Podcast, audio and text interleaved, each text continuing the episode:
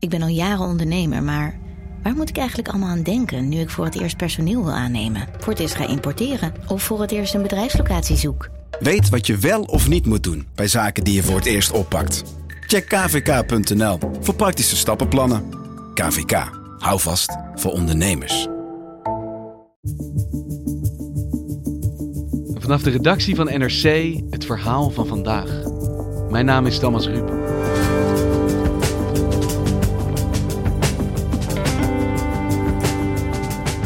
Commerciële DNA-databanken hebben een revolutie in de opsporing ontketend. Miljoenen mensen delen hun genetische informatie, waardoor families over de hele wereld met elkaar te verbinden zijn. Zo ook Ans Huizink, die na 70 jaar twijfel erachter kwam wie haar vader was.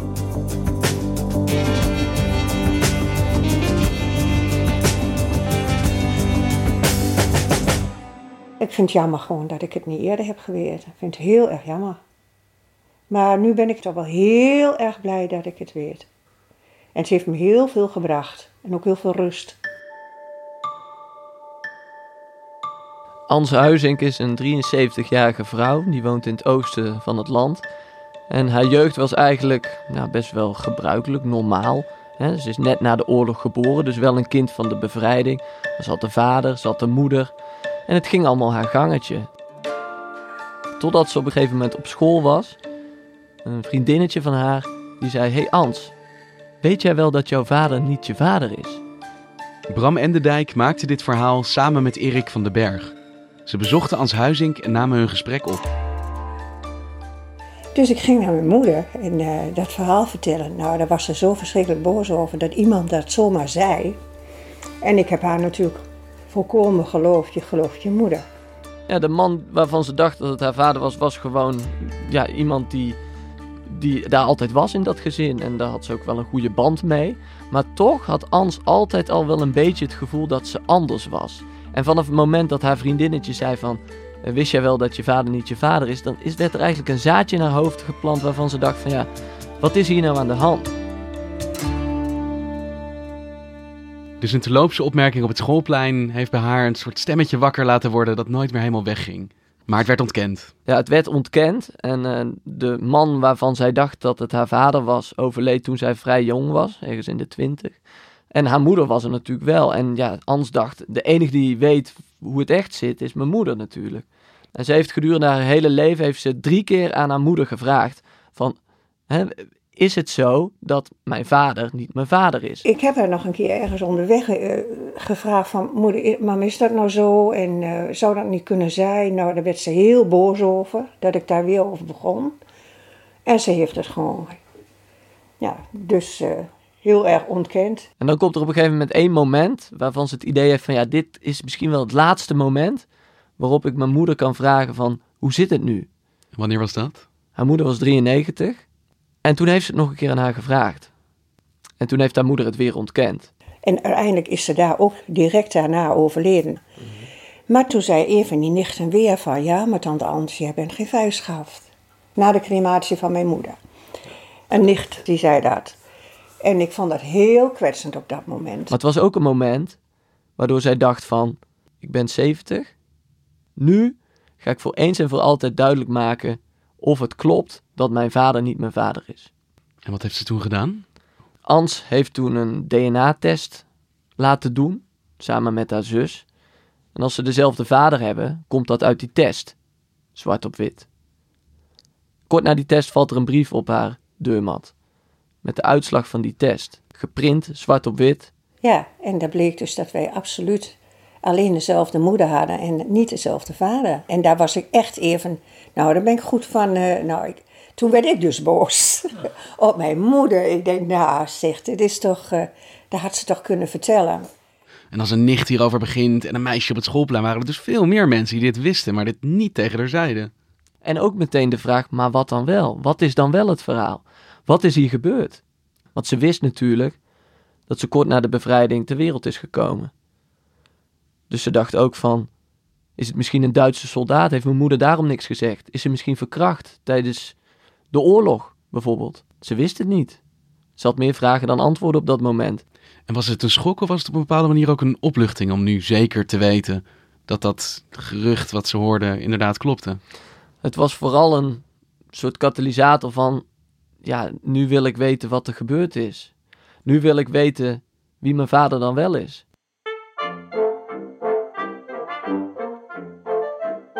Ans is gaan nadenken. Wie weet er nou iets? Toen dacht ze, hé, hey, toen ik 14 was, zei een vriendinnetje op school, hé hey Ans, wist jij wel dat je vader je vader niet is? Maar dat vriendinnetje was inmiddels overleden, dus daar kon ze niet meer naartoe. Toen is ze naar tante Zwaantje gegaan en tante Zwaantje was een zusje van haar moeder. Was natuurlijk ook al een vrouw op leeftijd op dat moment. Dus ze is op 70-jarige leeftijd bij de hoogbejaarde zus van haar moeder eindelijk gaan vragen: wat weet je van mijn familiegeschiedenis? Ja, en tante Zwaantje die kwam met een verhaal. En die kwam wel met een uh, heel erg opvallend verhaal. Tante Zwaantje vertelde dat net na de bevrijding van Almelo in de Tweede Wereldoorlog een groep Canadese soldaten ingekwartierd waren in een school tegenover hun huis. En zij herinnert zich dat een van die Canadese soldaten wel eens langskwam in zijn jeep. En dat ze daar ook meer naar Almelo ging. En vertelde ze, hij was ook met een, werd hij gebracht met een jeep. En zij werd dan opgehaald, dan gingen ze samen uit. En dat soort dingen. En daar dacht Ans van, misschien is er in, in de roes van de bevrijding is er wel wat gebeurd waar ik uit ben ontstaan. Misschien is deze Canadese soldaat mijn vader. Tante Zwaantje komt bijna 70 jaar later in het gesprek met Ans met een naam. Alleen een voornaam. Clifford, zei ze. Nou, dus ga maar even naar Canada op zoek naar een Clifford. Ja, prettige wedstrijd. Er zijn er best wel wat van natuurlijk. Dus daar kwamen ze niet zoveel verder mee. Dus Ans en haar man Jan zijn gaan googelen. En toen stuitten ze op Els Lijs. En Els Lijs is een familiedetective.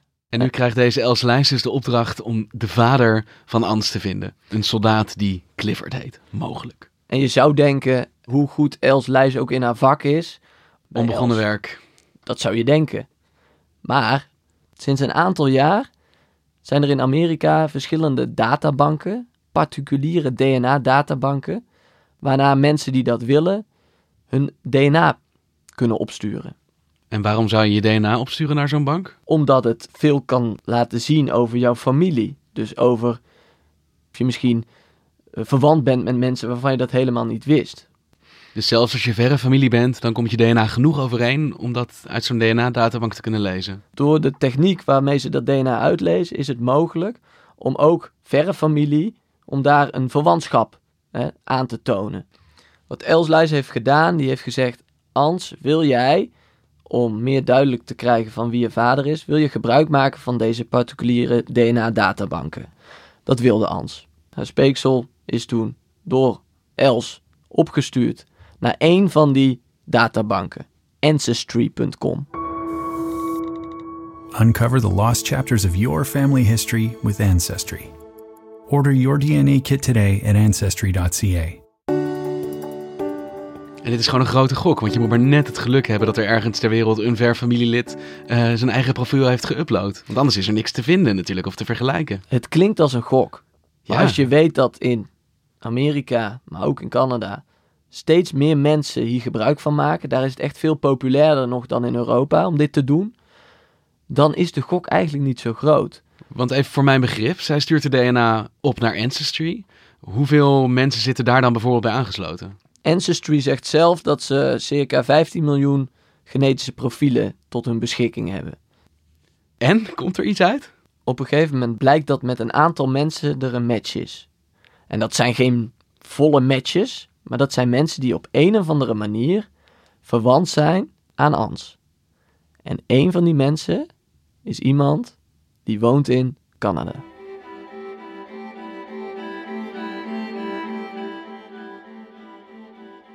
In Chilliwack, een kleine stad in het westen van Canada, zit eind oktober 2018 een vrouw achter haar computer. En ze ziet een mail met als onderwerp New Family News. Het is een doorgestuurd bericht van een Nederlandse familiedetective. The first I saw was this email from Else that she had sent to my cousin.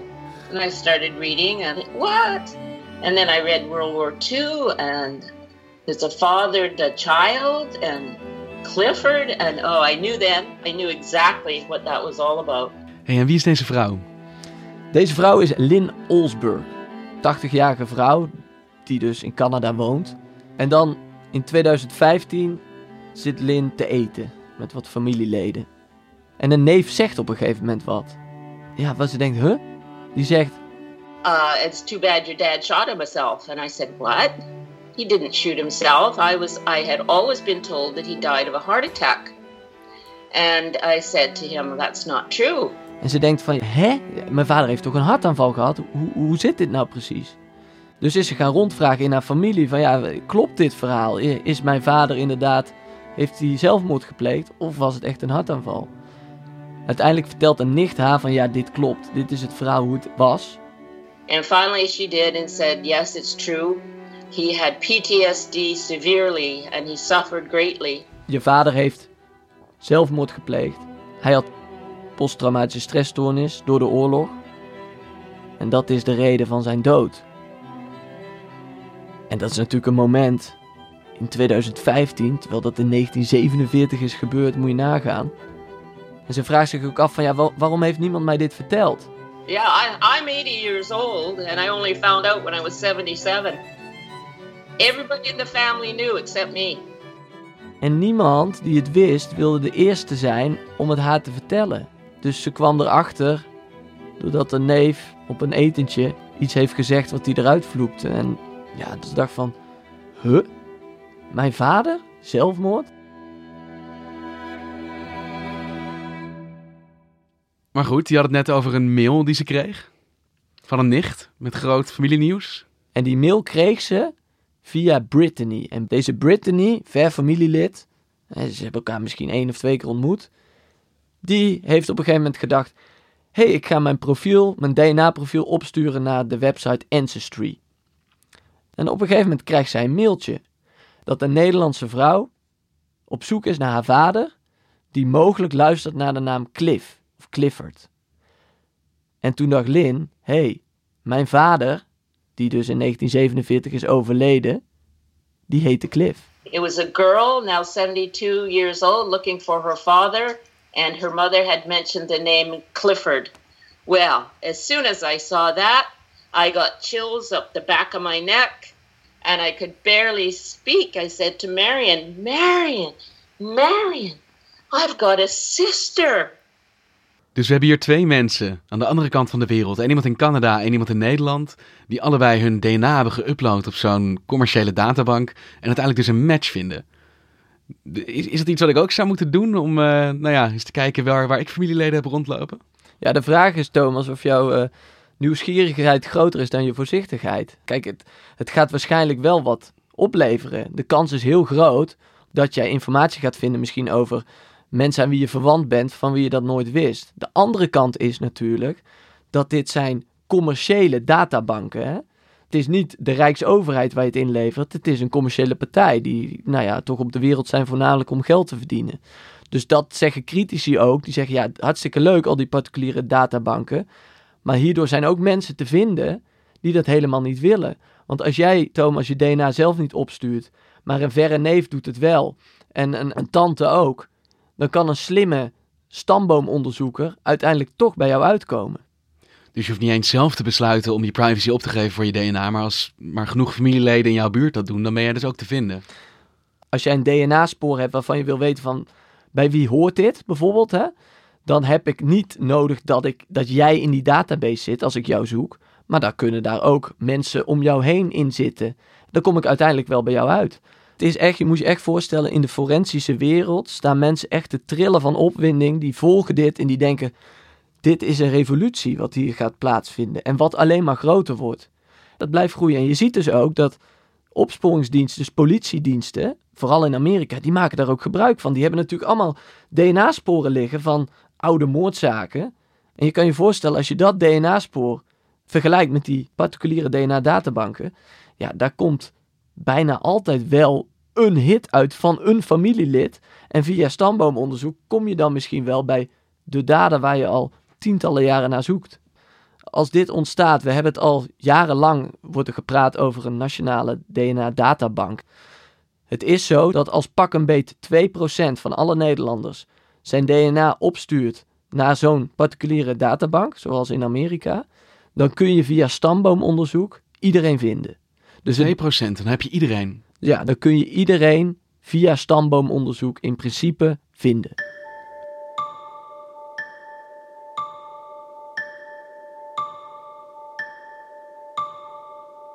Dus je hoeft niet eens een beslissing te maken of je een, uh, een algemene databank voor DNA wil. Want die commerciële partijen die nemen het eigenlijk over. Zo. Deze ontwikkeling is er. En, en de vraag van willen we dit als overheid, die is wat dat betreft niet echt aan de orde. Want het zijn commerciële partijen die het doen. Het gebeurt al. As we speak gebeurt het. En het wordt alleen, dat blijft groeien. Hè?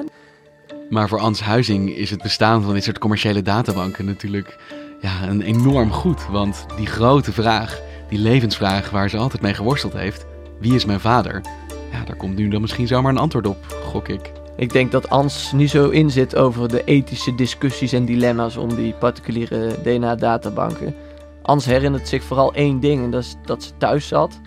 Eind 2018 was het. En dat de telefoon ging. En toen hoorde ze aan de andere kant van de lijn een Engelse stem. Toen zei ze van, ik ben Lin en ik ben je zus.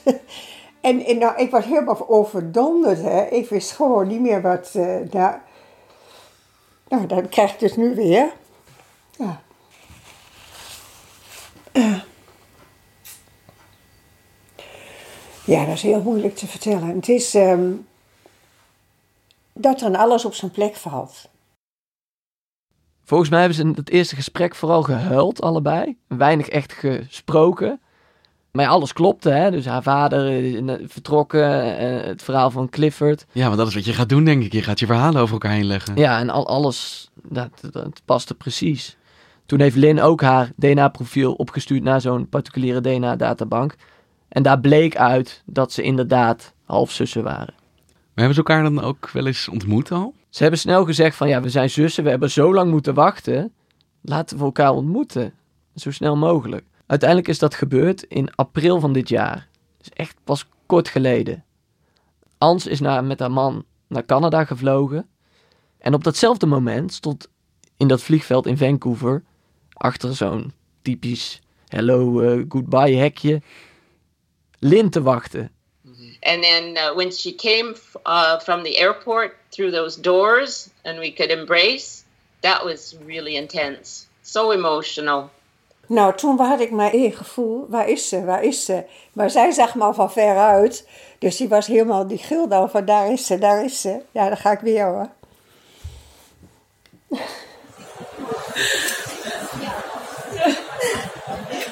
Good to see you.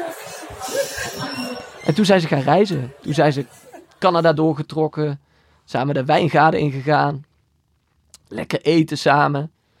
En elkaar ook beter leren kennen. Want ja, eh, je hebt elkaar gesproken over Skype, maar je kent elkaar ook niet helemaal. We thought, what a waste. We could have known each other so many years ago if somebody had just told me the possibility of there being a child. Of course, I don't know what I would have done about it because back then there was nothing like ancestry or DNA matching. But we both wished that we had met ages ago, but we're going to make up for it now. En de laatste keer dat we zo samen zo lekker gegeten hebben, dat, uh, toen dacht ik, ja, het is toch, voelt toch gewoon als familie. Maar dan ken je elkaar al een hele week samen. En, en hun zoon uh, was er ook bij. Ja, dat was gewoon heel gezellig. Het was gewoon lekker. Je voelt je thuis. Dankjewel, Bram. Graag gedaan. Je luisterde naar vandaag, een podcast van NRC. Eén verhaal, elke dag. Dit was vandaag, morgen weer.